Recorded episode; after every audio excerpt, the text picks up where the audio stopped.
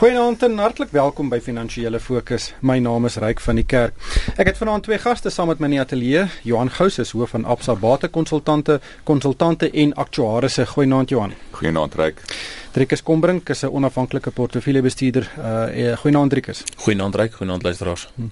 Ek wil vanaand 'n bietjie stil staan en terugkyk na die eerste kwartaal van die jaar en dit was 'n baie interessante kwartaal. Aan die positiewe kant was aandelemarkte baie wisselvallig, maar het eintlik heelwat uh, sterk vertoon veral in die laaste paar maande van die kwartaal en dan het die oliepryse ook skerp gedaal en uh werklik vir Suid-Afrikaners 'n uh, persentjie in die sak gegee met laer brandstofpryse. Aan die negatiewe kant het beerdkrag 'n alledaagse ding geword. Die middelklas betaal vandag meer belasting as aan die begin van die jaar. Ongelukkig is die ekonomiese groei vooruitsigte taamlik gedemp en die rand het ook met so wat 5% teen die dollar verswak.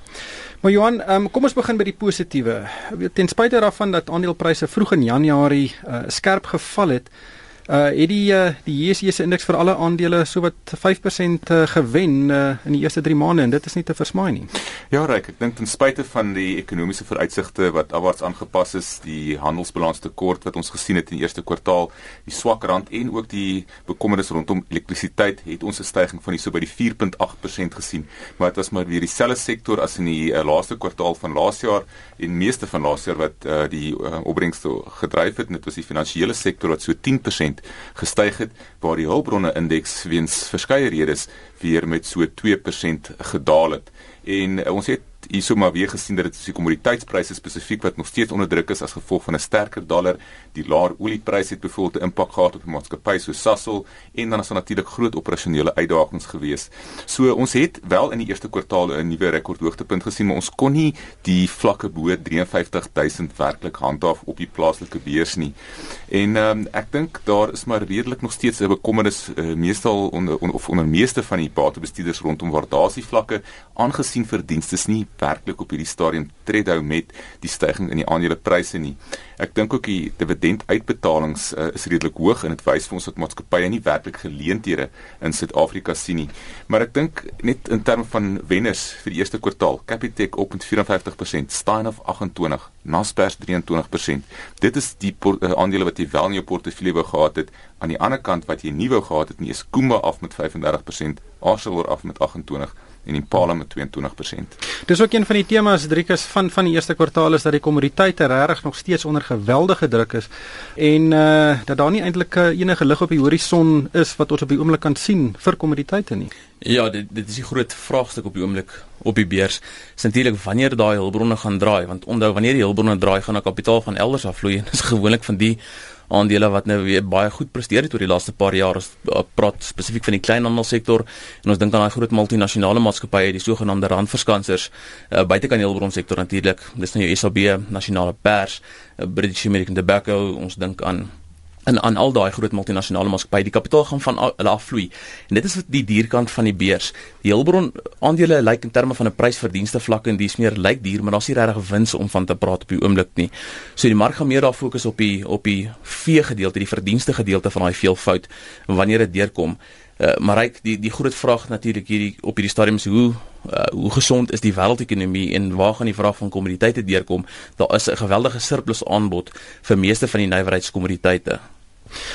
Johan, die grootste seker nuus storie van die eerste kwartaal wat vir gebruikers belangrik is is dat die oliepryse uitgehalveer het, ehm um, en dat die brandstofpryse in Suid-Afrika met uh, so wat R4 per liter gedaal het. Dis amper soos wat jy 'n baadjie aantrek wat jy lanklaas aangehaat het en dan kry jy 'n rol note daar in die sak. Weer so 'n persent wat jy nie verwag het nie en en dis 'n wesenlike geskenk ja. gewees. As ons net 'n bietjie teruggaan, ek dink die oliepryse het werklik so laas jaar Junie begin daal reik en dit was die perfekte storm vir die oliepryse gewees. Daar was 'n uh, toename in in die aanbod van van olie en daar was ook 'n daling in die vraag gewees uh, na olie. So aan die aanbodkant het ons gesien Opel het ten spyte van die daling in die oliepryse nog steeds sy produksievlakke gehandhaaf en die feit is hy kan teen hierdie lae oliepryse kan hy nog steeds winsgewend olie produseer. Amerika aan die ander kant het ook meer selfvoorsienend geraak. Um, en ek dink dit is 'n strategiese skuif van Amerika die laaste paar jaar om minder afhanklik van die ooste te raak vir hulle olie en ek dink baie min mense weet dit, maar dit is ook so dat uh, Amerika nou die grootste olieproduseerder in die wêreld is en hy het laas jaar vir uh, Saudi-Arabië verbygesteek. Aan die vraagkant sien ons dat daar meer alternatiewe energiebronne na die mark toe kom en dan ook natuurlik die swakker Europese en Chinese ekonomie wat die vraag na olie laat daal het. Ek dink die verwagting vir hierdie jaar is dat ons so hierso tussen die 50 en 60 dollar per vat gaan beweeg. Ek dink oor die algemeen is die laer olieprys prys goed vir uh, inflasie wêreldwyd en dit sal beteken dat uh, rentekoerse nie noodwendig vinnig sal styg en daar geen druk op die sentrale banke sal wees om rentekoerse op te jaag nie. En uh, ons weet natuurlik dat lande soos Rusland en Nigerië wat baie afhanklik is van olie vir hulle uitvoere, ongelukkig een van die of van die partye is wat bietjie swaar kry op die oomblik. Kom ons kyk 'n bietjie na die negatiewe en ongelukkig is die lys se negatiewe bietjie langer as die positiewes, maar Madrikus beerdkrag het in die eerste kwartaal eintlik 'n alledaagse ding geword. Uh, dit is 'n geweldige rem op ons ekonomiese groeikoers. En daar's ook baie kommer oor of Eskom hierdie situasie kan beredder. Daar's uh, probleme met die bestuur, dit lyk of daar politieke inmenging is. Dit lyk of Medupi ver agter skedule is. Uh dit dit is regtig eintlik die storie van die jaar is die die elektrisiteitsvoorsiening en hoe vol, volhoubaar daai herstelpoging kan wees om genoeg elektrisiteit op te wek. Ja, en ons moet besef dit tref ons drieledig. Eerstens, ons het energie nodig om te produseer. Dis dis 'n eenvoudige konsep wat enigiemand kan verstaan. Dit is wat meeste uh, kommentators ook oor praat. Tweedens, daar is 'n koste-effek wat deurgevoer word in die, in die inflasiesyfer. 'n Hoër inflasiesyfer beteken ons ons beursies raak eintlik dunner elke maand, elke jaar. En ehm um, dit beteken dat rentekoerse noodwendig kan daal nie. En ek dink dit daar was sterk moontlikheid dat rentekoerse self kon daal in begin van die jaar is nie was vir die administratiewe pryse in die land wat wat so so drasties aan die styg is nie. En dan derdens is die die die beleggings of dan besigheidsvertroue wat geskaad word die hele proses en ek dink dit is waar ons die grootste skade lê. Suid-Afrikaanse ehm um, maatskappye ehm um, sit met enorme hoeveelhede rekord hoeveelhede kontant op hulle balansstate. Ehm um, Johan het voor, voorheen genoem dat hulle uitbetaal op oomblik in dividende. Ons sien dat dit elders belê eerder as in Suid-Afrika en dit is waar ons langtermyn seer kry.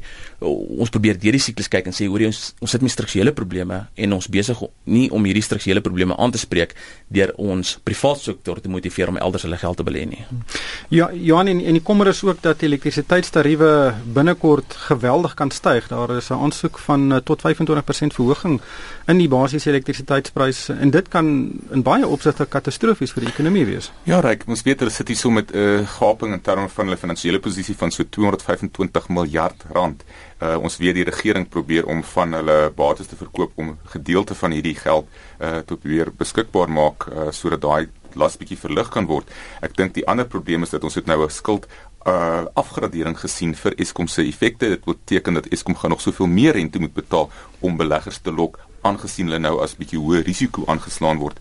Ek dink jy weet op hierdie stadium uh, uh, ons het ook nou net genoem die die besigheidsvertroue op hierdie stadium bly groot skade op die oomblik en ehm uh, verdere insetkoste gaan natuurlik tot groter druk op marges lei vir meeste van die maatskappye wat afhanklik is van uh, krag en ehm um, ek dink op die einde van die dag reik sit ons hier met 'n probleem wat oor 'n langtermyn geskep is dis 'n probleem wat slegs oor 'n langtermyn opgelos sal kan word Driekus, ons het ook uh, in Schlanschlanene se eerste begroting gesien. Ehm um, en dit was 'n uh, baie interessante begroting.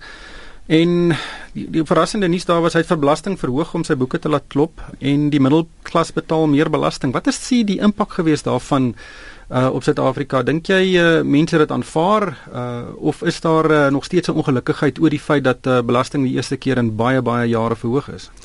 Ek ek dink die die die verhoging is so klein dat dit nie gevoel kan word op die marginale kant nie tog is hy sommige maak en praat oor van miljarde rande wat se impak dit op die middelklas het. Uh die die groot impak wat wel gevoel word en ek dink waaroor daar nog 'n groot misnooi is is natuurlik wat hierdie week 'n uh, effek geneem het is die die fooie wat gehef word op die brandstofprys. En ons voel dit hierdie week veral in ons sakke en ek dink daar bestaan natuurlik nog 'n groot misnooi daaroor heidaglik. Maar wat ons sien in die begroting is is dat Suid-Afrika homself in 'n groei lokval bevind op hierdie stadium. Ons het vir twee dekades lank het ons nie herinvesteer in ons in ons infrastruktuur soos wat ons moes nie. Eskom natuurlik 'n groot voorbeeld en um, ons het besluit om sedert die wêreld van wêreld finansiële krisis het ons besluit om eerder ons um, staatskas te gebruik om um, om natuurlik in diensname uh, aan te stook. En uh, is dit nie vir die staatsindiensname was nie, was daar nie regtig in diensname groei gewees in Suid-Afrika oor die laaste 6 jaar nie. Uh so die vraag is waar wat die groei vandaan gekom hierdie swart middelklas wat ons van praat, die sogenaamde swart diamante wat wat wat wat die middelklas laat groei of wat uh, wat besteding laat groei het in Suid-Afrika die laaste paar jare. Ehm um, kan nie meer groei nie want die staat kan nie meer in diens neem nie. Ons het nie genoeg geld vir infrastruktuur nie en nou word die nou word die knyptang verder gedruk deur die middelklas uh meer belasting te betaal. So ons is in 'n groeilokval. Dit lyk baie soos die 80s. Maar dit uh, Johan, dit, dit lyk of die benadering die van Eskom en Nshlanhlanene basies dieselfde is met uh, daar's 'n tekort aan geld. En in plaas daarvan om die beld in te trek en innoverend te wees om koste te bespaar, word die inkomste net verhoog. Uh, daar word gevra vir hoër tariewe en belasting word verhoog. Ryk, dit was 'n maklike opsie geweest. Uh ek dink die probleem hierso is ons moet ons ekonomie groei.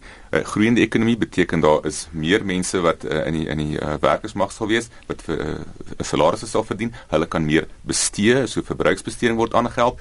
Maatskappye kan uitbrei, hulle kan groter winste maak waarop daai belastinginkomste dan gegenereer sal word.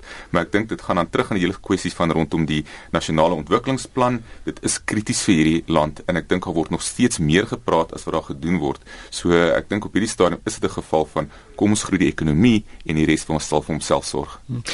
Die ekonomiese groei vooruitsigte wat aan die begin van die jaar was omtrent 2.5%. Uh die Reservebank um, met nou met sy jongste monetêre beleidskomitee vergadering gesê hy verwag omtrent 2% groei wat 'n bietjie van 'n van 'n afwaartse aanpassing is. Uh, Driekus, dink jy ons kan by 2% uitkom? Ek dink as ons by 2% uitkom het ons vanjaar goed gevaar. Uh, ek dink ook so. Um, ons moet besef dat ons van 'n lae basis afkom. So 2% is relatief maklik. Ons moet vra van die lae basis af wat ons kom uh, vir 2014, hoekom net 2%? D dit is die groot vraag en dit ons is ook grootliks afhanklik daai 2% is grootliks afhanklik wat wat in die buiteland gebeur. Hoe die vraag van die buiteland af lyk is daar stelling kommoditeitspryse uh, eksogene faktore speel 'n rol maar natuurlik is daar is daar ander lande wat ten spyte daarvan wat se ekonomie baie groter as ons in soos die FSA sin wat dit regkom om te groei teen 'n beter syfers ons in so uh, dis dis moeilik om hierdie groei van ons hierdie lae groei te regverdig Hmm. Johan, ek wil net gou weer stil staan nog by die een van die kernekonomiese aanwysers en dit is inflasie wat natuurlik heelwat laer is weens die olieprys. Ehm um, wat ook in 'n mate goeie nuus is vir Suid-Afrika dat daar nie soveel druk nou is om rentekoerse te verhoog nie. Uh, Dink jy ons kan weet uh, verwag dat rentekoerse nie vir jaar gaan styg nie? Ryk ek dink wat ons gesien het is daar was 'n verwagting dat die inflasiekoers wat nou op 3.9% staan het aan die einde van Februarie dat dit sou daal na omtrent so by die 3.2-3.3% en dat dit die onderste draaipunt sou wees in hierdie siklus. Maar dit lyk nou al klaar as gevolg van uh, die swakker oeste wat ons verwag die rand wat onder druk is en dan die oliepryse wat klaar bietjie begin herstel en dan natuurlik die addisionele uh, belasting op op brandstof dat daai uh, vlak gaan nou vroeër draai hierso by die uh, en miskien het ons heel moontlik al ons ons laagtepunt nou bereik in hierdie siklus in terme van inflasie en kan ons verwag dat inflasie weer nader aan die 6% vlak teen die einde van die jaar sal styg. Maar ek dink die Reservebank kyk nog steeds aan die groei vooruitsigte van Suid-Afrika en ons kan dit nie wegwens nie en as gevolg daarvan mag dit wees dat ons eers in die laaste kwartaal van vanjaar 'n rentekoersverhoging sal kry, maar dan kyk ons nie na iets meer as 'n half persent tipies nie. Die die term wat ons hier gebruik is stagflasie. Ons sit in 'n stagflasie met 'n stagflasie probleem in die land en dit is waar ons sodra ons bokant 'n sekere vlak begin groei. Ek sou sê bokant 2.5% begin groei in die land, dan